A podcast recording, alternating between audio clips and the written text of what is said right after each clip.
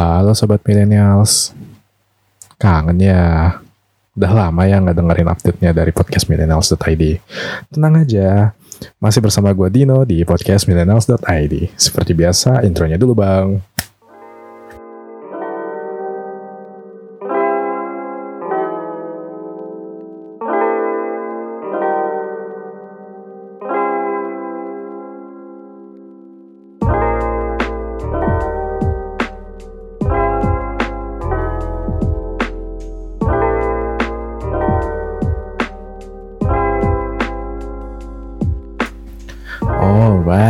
Go again. Balik lagi bersama gue Dino di podcast millennials.id.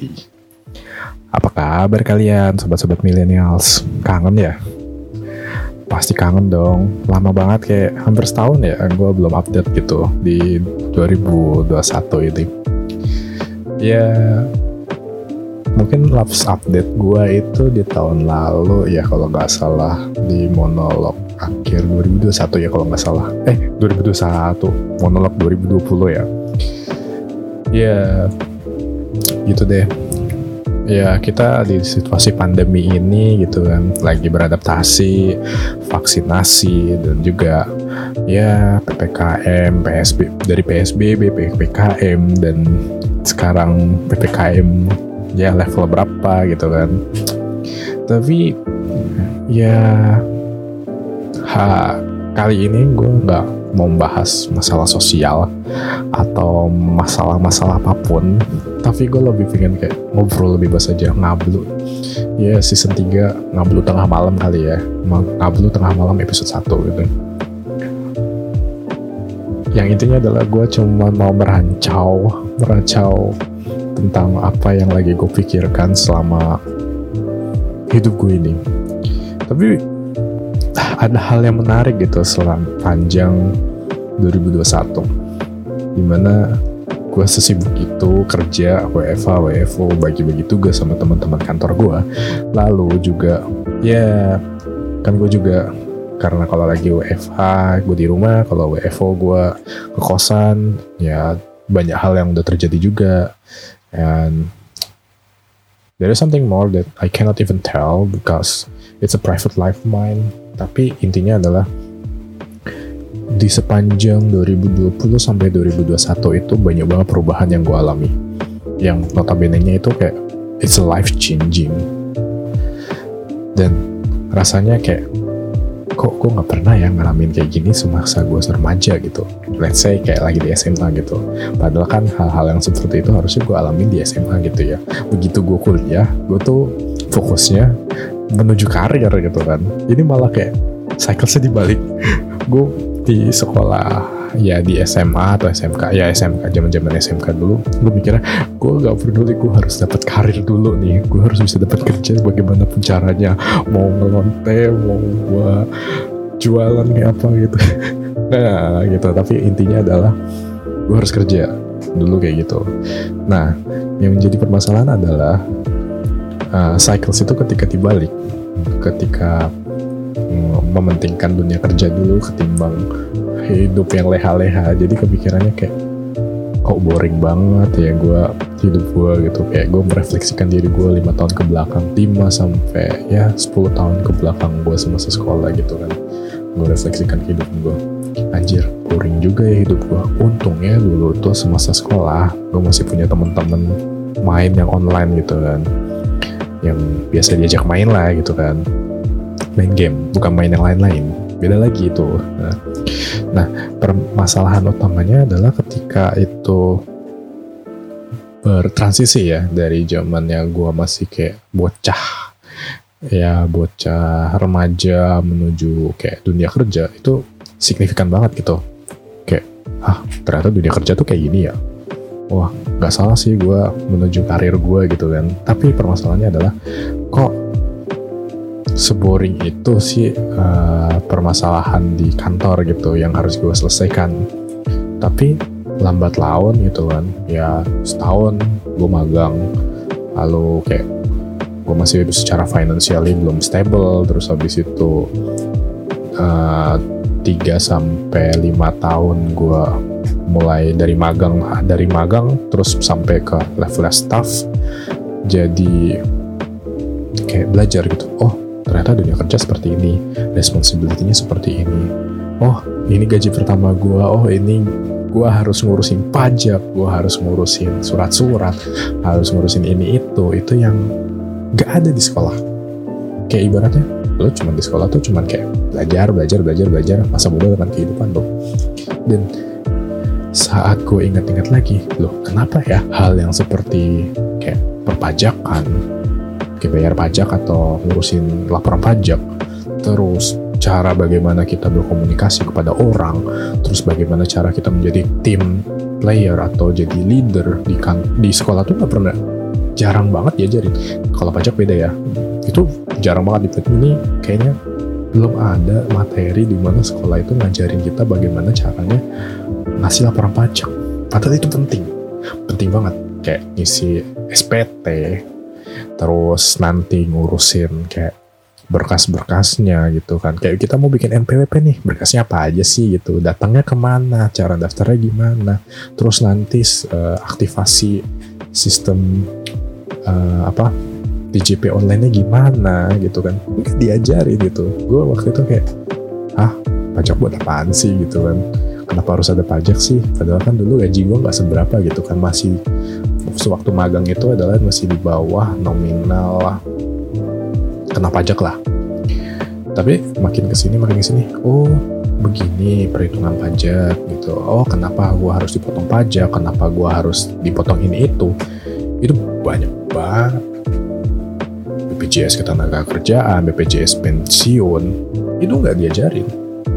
Terus kayak lalu anak SMK gitu diterjunin langsung ke dunia kerja tanpa ada persiapan dunia kerja. Wah kaget sih.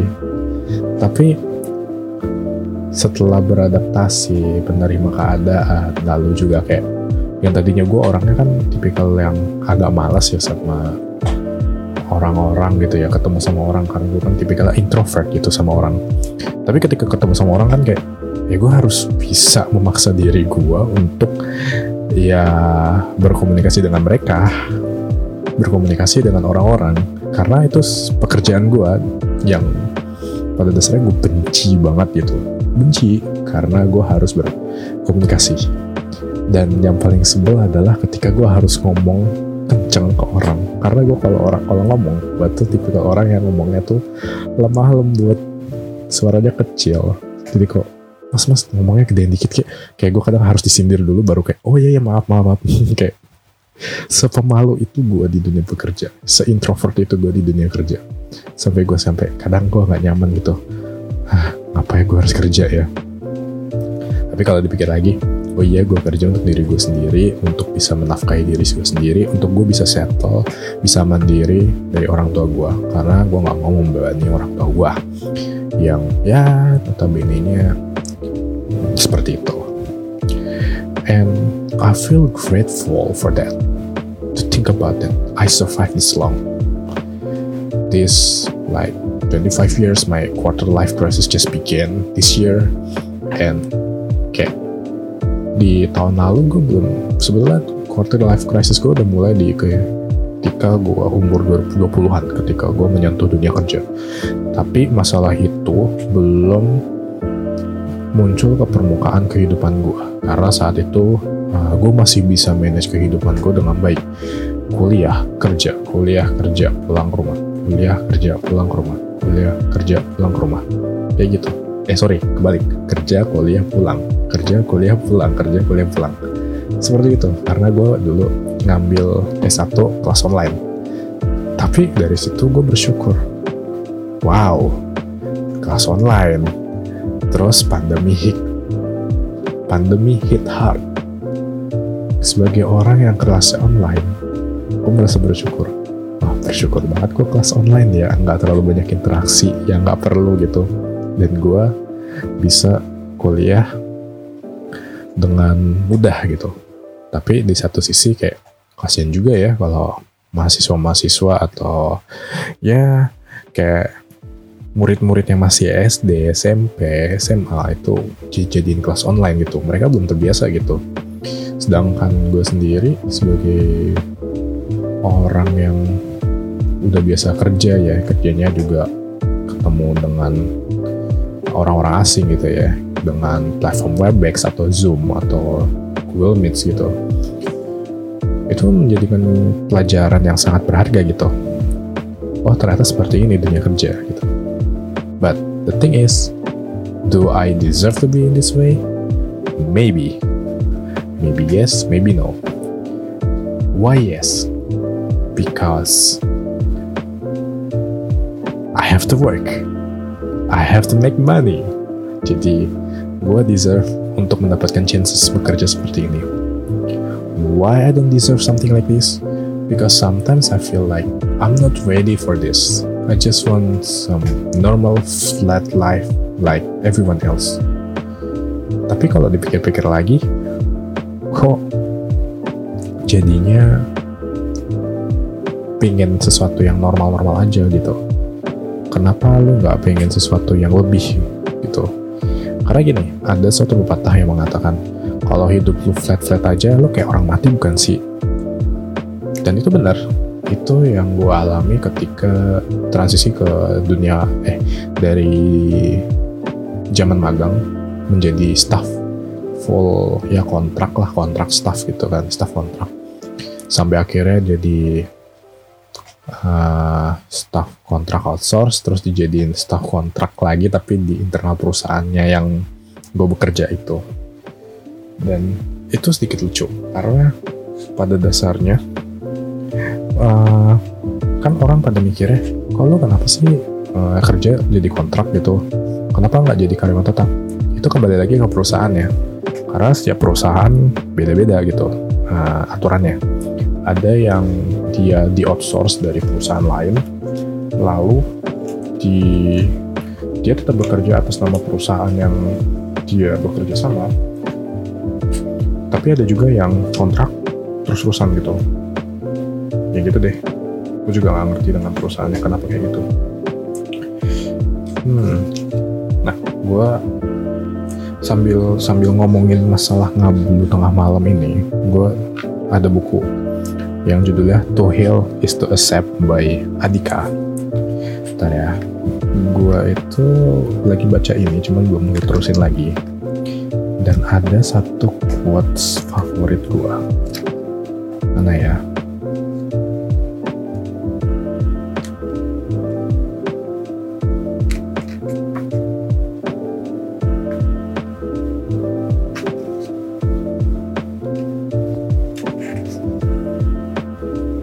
sebentar.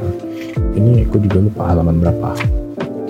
Tapi gue seneng banget sama quotes dari buku ini. Ini jadi buku tentang kompilasi kayak good good. Ya quotes quotes yang bagus gitu deh. Yang berhubungan dengan kehidupan gitu.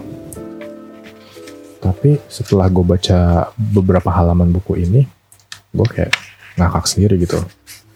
Uh, kenapa ya kok gue nggak pernah nemu buku gini ya gitu semasa hidup gue kenapa baru sekarang gitu? Kayak ya mungkin somehow gue lagi jalan sama temen gue terus tiba-tiba nemu buku gini kan kayak oh menarik sekali gitu kan. And then buka random page terus tiba-tiba wah bagus nih. Terus lihat judul bukunya. Eh menarik juga nih baca, baca terus akhirnya kayak ah beli deh. Terus habis itu baca gitu kan. Mana ya uh,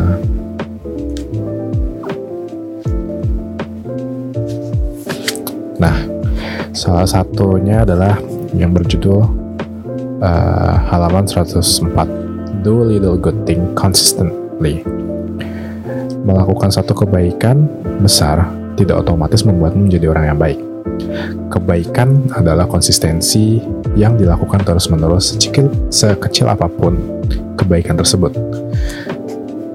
Nah, itu salah satu good quotes yang gue senang dari buku ini. Kayak oh ya kalau kita pengen menjadi yang lebih baik gitu kita harus konsisten gitu. Konsisten dengan apa yang kita lakukan.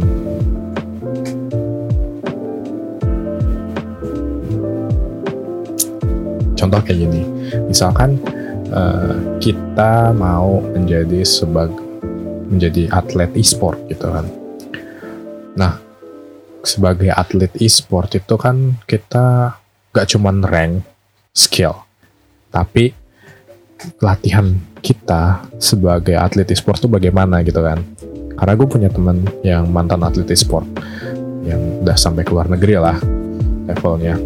Dia pernah bilang gini, konsistensi itu adalah suatu kunci dalam bagaimana lo itu bisa sukses. Even sekecil apa pun konsistensi tersebut, kalau lo konsisten, lo punya chances lebih untuk bisa meraih hal tersebut yang lo inginkan. Contoh lainnya gini, kayak ini contoh real dari teman gue. Ketika gue magang waktu itu sama teman gue, nah di akhir magang itu kan gue ditawarin, lu mau nerusin magang lu menjadi karyawan kontrak, staff kontrak lah hitungannya, atau uh, lu caw. Nah, karena di situ hitungannya adalah gue nggak bisa kuliah kalau nggak ada duit, ya udah gue sambil menyelamin sambil menyelamin air lah biasanya gitu. Dan teman gue ini uh, insist untuk keluar. Eh bukan insist sih, tapi karena eh, karena emang kontraknya udah habis, terus ya udah nggak dilanjutin dia kan. Akhirnya dia mencoba masuk ke SNMPTN SNMPTN atau SBM ya gue lupa dulu. Ya pokoknya jalur mandiri untuk masuk UI padahal gue sendiri waktu itu pengen masuk UI negeri tapi karena gue terbentur dengan masalah ekonomi jadi kayak nggak bisa gue serta merta quit my job and then go to ya national university atau local university lah jadi kayak private jadi lebih pilih pilih kayak private university gitu kan Terus dia konsisten untuk terus mencoba. Ketika dia keluar, eh ketika dia keluar, ketika dia selesai magang, dia coba tes, gagal. Terus uh, curhat sama gue, eh kayak pernah ketemu terus ngobrol, ngomong gini, uh, kayaknya gue masih mau nyoba lagi deh tahun depan gitu. Dan itu dia lakukan lagi di tahun depan. And somehow the thing is he success. And then wow.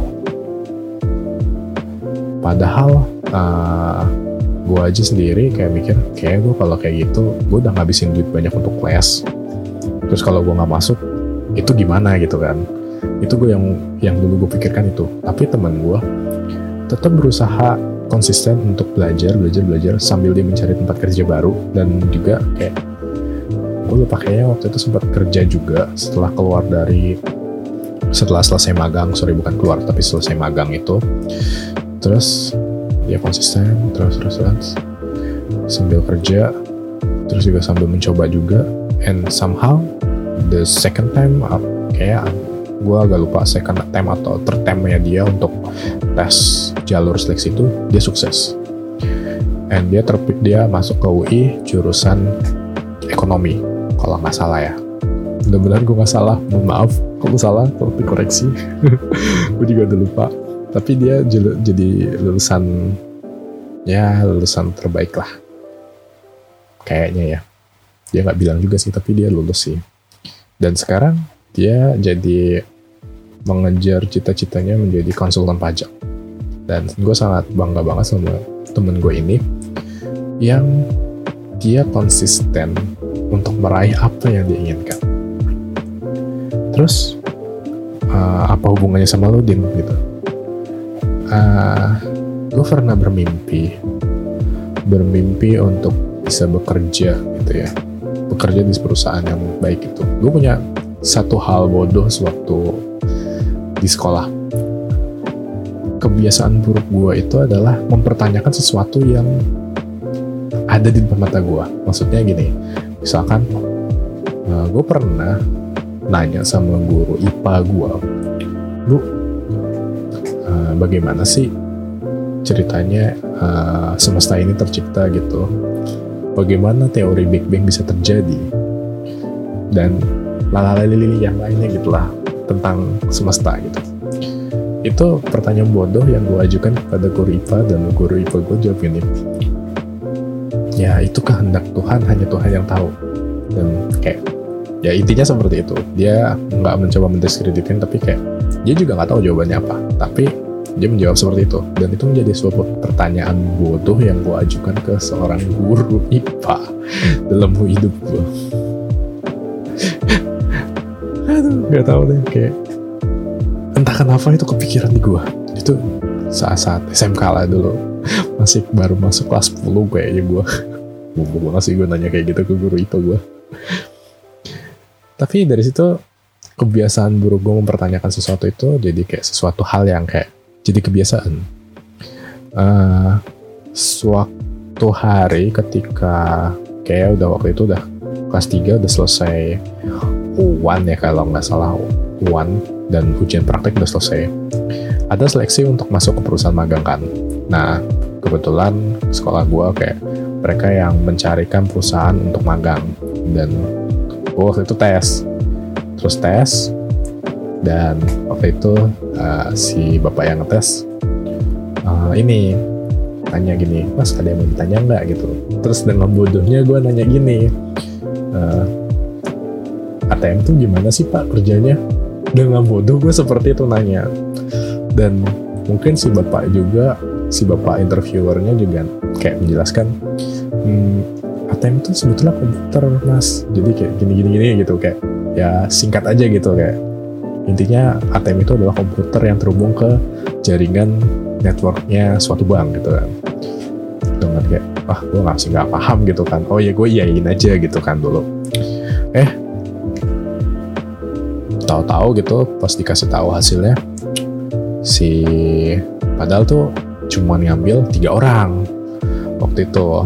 Dan anehnya itu adalah naik kuotanya satu jadi empat orang. Terus kayak uh, tiba-tiba uh, yang tadinya kepilih adalah tiga teman gue gue itu kayak kayak nggak tahu kenapa kayak rezeki gue dapet di situ. Ah seriusan nih gue dapet di sini iya nih si bapak ini tadi katanya uh, nambah kualifikasinya jadi lo bisa dimasukin. Terus kayak oh oke okay, gitu kan. Dan magang setahun terus di tahun itu waktu itu 2014 sampai 2015 di 2015 gue uh, kayak nggak sengaja bukan nggak sengaja sih ya mungkin secara tidak langsung teman gue lagi mau cuti gitu kan. Terus gue gantiin dia gitu di salah satu private bank. Ya biggest private bank in Indonesia lah. Gue nggak boleh nggak nggak usah sebut. Mungkin kalian udah tau lah bank apa yang paling gede private di Indonesia. Nah kebetulan gue nge-handle gantiin temen gue di private bank itu. Terus kayak gue masih bingung gitu kan anjir gue cuma ngerjain project cuman kayak jadi gue cuman jadi yes man doang gitu kan yes man gitu kan. Maksudnya sebelum di 2015 ditempatin di uh, private bank ini gitu kan sebagai managed service atau jadi kayak staff yang manage uh, apa uh, infranya si private bank ini gitu kan. Nah dari situ kayak gue yang tadinya masih jiwa-jiwa kuli gitu ya kuli. Maksudnya kuli itu bahasa kasar gue kalau lagi kayak ibaratnya gue tuh belum pernah belajar yang namanya teori-teori yang gitu deh yang dari network banget gitu kan. Ketika di situ di brief kerja gue gini gini gini nih oke gitu. Yaudah gitu gue jalanin kan. Tapi kan gue punya bad habit gitu karena gue orang yang uh, paling susah bangun pagi terus juga kayak ya datang sama bisa gue gitulah dan juga waktu itu gue masih pakai public transportation belum dikasih motor belum punya privilege untuk pakai motor. Jadi kayak ya udahlah gitu. Setel, sebisa gue aja deh datang gitu. Yang penting gue datang gitu kan. Syukur-syukur nggak kenapa-napa di jalan kan dari situ kayak oh gue mulai belajar nih. Bank tuh seperti ini ya cara kerjanya. Oh ATM tuh seperti ini bekerja apa cara kerjanya gitu. Kayak gue mulai kayak ikut-ikut kerjaan migrasi terus gue tiba-tiba kayak oh mas ini kenapa ya kok nggak bisa aplikasinya? Gitu kan.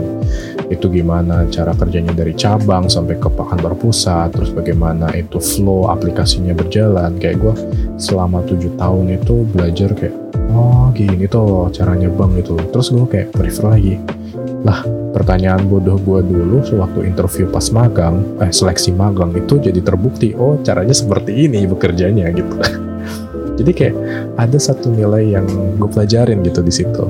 Yang pada dasarnya kayak oh ternyata konsistensi gue menjadi orang bodoh gitu. Maksudnya orang bodoh tuh kayak mempertanyakan sesuatu yang sebetulnya ya lu nggak perlu tahu banget gitu cara kerja sesuatu atau sesuatu itu gimana gitu. Curiosity so kayak curiosity gue tuh tinggi banget gitu. Saking tingginya gue mikir kayak oh apakah dengan curiosity gue yang tinggi ini gue jadi paham bagaimana sesuatu bisa terjadi gitu kan dan itu membentuk karakter gue yang menjadi sekarang ini tapi terkadang gue mikir curiosity kan bisa membunuh ya jadi kayak jangan terlalu permasalahan banget lah dengan sesuatu. Apalagi kalau modelannya tuh kayak udah ya terlalu deep gitu kak sih. Itu yang sekarang menjadi pikiran gue. Tapi uh, apa yang udah gue lakukan selama tujuh tahun ini gue rasa kayak itu suatu gift yang diberikan Tuhan kepada gue untuk menjadi apa gue sekarang gitu. Dan kayak iya ya bener juga. Kenapa ya gue menjadi orang seperti ini? Tapi pada dasarnya jadi memberikan gue jalan gitu ke gue untuk menjadi yang lebih baik jadi kayak ada tujuannya gitu. Tuhan memberikan gue sesuatu untuk bisa gue berkembang lebih baik. To think about it in a while. Dan Nah, another quotes from the books uh, To Heal is to Accept. Dengan judul uh, ini halaman 160 judulnya Everything is not perfect but it's fine anyway. Tak ada satupun di dunia ini yang sempurna. Tak ada hidup yang sempurna. Tidak ada tubuh yang sempurna. Tidak ada pekerjaan yang sempurna. Tidak ada pasangan yang sempurna tidak ada pula keluarga yang sempurna. Tapi, semua itu tidak akan menjadi masalah jika kamu menerima ketidaksempurnaan sebagai bagian dari kehidupan kita dan selalu berpikir positif. Yakinlah, walau dengan ketidaksempurnaan, semua akan baik-baik saja. And I think itu omongan ngablu gue malam ini di Ngabzu episode 1 season 3 kali ini. Dan mungkin itu dulu aja sebagai permulaan season 3 ini. Karena gue kemarin kayak terlalu ambisius untuk, oh season 3 harus kayak begini, begini, begini. Ternyata kalau bikin lagi, kayaknya sulit kalau bikin kayak gitu. Kenapa kita tidak mencoba sesuatu yang berbeda? Kita ngobrol monolog, tapi mengemukakan apa yang ada di kepala gue I think that's all from me. Thank you for listening and see you in the next episode. Seperti biasa, outro-nya bang.